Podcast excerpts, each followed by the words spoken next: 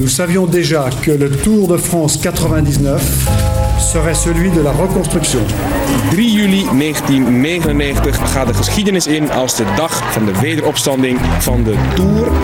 Als deze Tour de France de verkeerde kant op gaat, opnieuw schandalen en, en al dat soort dingen. Lance Armstrong has made a magical return to the Tour de France.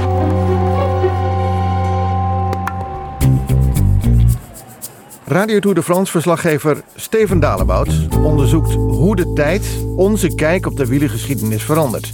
In een nieuwe aflevering van Toch nog een Tour. Ik heb hoog ingezet. Toen ik begon met het uitpluizen van de Tour van 99 wilde ik per se Lance Armstrong zelf ook spreken. Maar dat zal wel eens lastig kunnen worden. Voorlopig ben ik niet verder gekomen dan onbeantwoorde e-mails en ingesproken voicemails. Ik besluit mijn pijlen eerst te richten op Johan Bruineel, zijn ploegleider. Het oproepnummer dat u gevormd hebt is niet in gebruik. Bruineel praatte niet meer op radio of tv sinds hij voor het leven werd geschorst. Le numéro que vous avez composé n'est pas attribué. Ik heb inmiddels drie verschillende telefoonnummers achterhaald.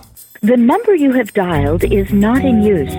Maar er is er geen één die werkt. Die von Ihnen gewählte Nummer ist nicht in Benutzung. Probeer het later opnieuw. De eerste verdenkingen richting Lance Armstrong waren er al vrij snel. Christophe Basson heeft zich gisteren voor de twaalfde etappe teruggetrokken uit deze Tour. En de eerste die ze uitsprak was waarschijnlijk Christophe Basson. De Fransman uit de Française de Jeu-ploeg kon het psychisch niet meer opbrengen om verder te koersen. Basson was een voormalig Festina-renner.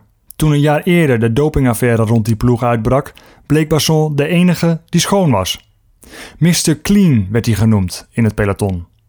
Toen Basson in 1999 in zijn column in de krant Lance Armstrong beschuldigde van doping, was zijn tour snel voorbij. David Walsh was in 1999 verslaggever voor de Britse krant The Sunday Times. Hallo. Walsh zou later het dopingprogramma rond Lance Armstrong blootleggen. Maar in eerste instantie, in dat jaar 99, werd het wantrouwen gevoed door Christophe Basson. Basson, you know, forced us to consider that maybe the sport had not changed at all. In zijn eerste column was Basson nog subtiel sarcastisch geweest. It seems to me that France has become like one joint descent. Frankrijk lijkt wel één grote afdaling geworden.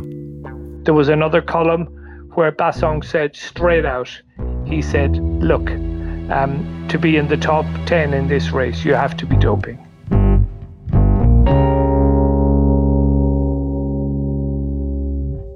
Was die opmerking die het peloton deed overkoken.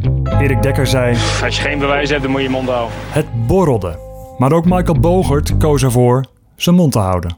Nee, hoezo? Mond houden? Als ik, ja, ik, niet, uh, ik weet wat er is, dus maar ik moet mijn mond houden in het peloton. Basson is daar heel eerlijk over geweest. Oh, is hij eerlijk geweest? Dat, althans, dat meent hij zelf. Ja, dat meent hij zelf, ja. Dat zijn zijn woorden. Dat vertolk ik dus nu. Zoeken het allemaal maar lekker uit, die Fransen. Denk je ook niet? Ik ga lekker een douche pakken, want ik sterf van eten.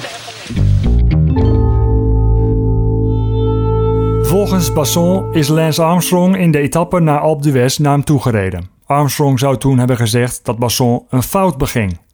Waarom ga je niet naar huis dan? vroeg Armstrong aan Basson. Armstrong herhaalde die woorden later die dag op de Franse televisie. En hij kreeg steun van UCI-voorzitter Hein Verbrugge. Want dan staat natuurlijk de rest van het peloton op en dat is heel normaal. Dat zouden wij ook doen, denk ik. Twee dagen later stapte Basson af. If you were a journalist, you had a choice. Do I believe Christophe Basson? Do I believe that he's getting this right? Or do I believe Lance Armstrong, who says that there is nothing wrong, everything has changed in cycling, it's all good now? And you, you, immediately had that choice.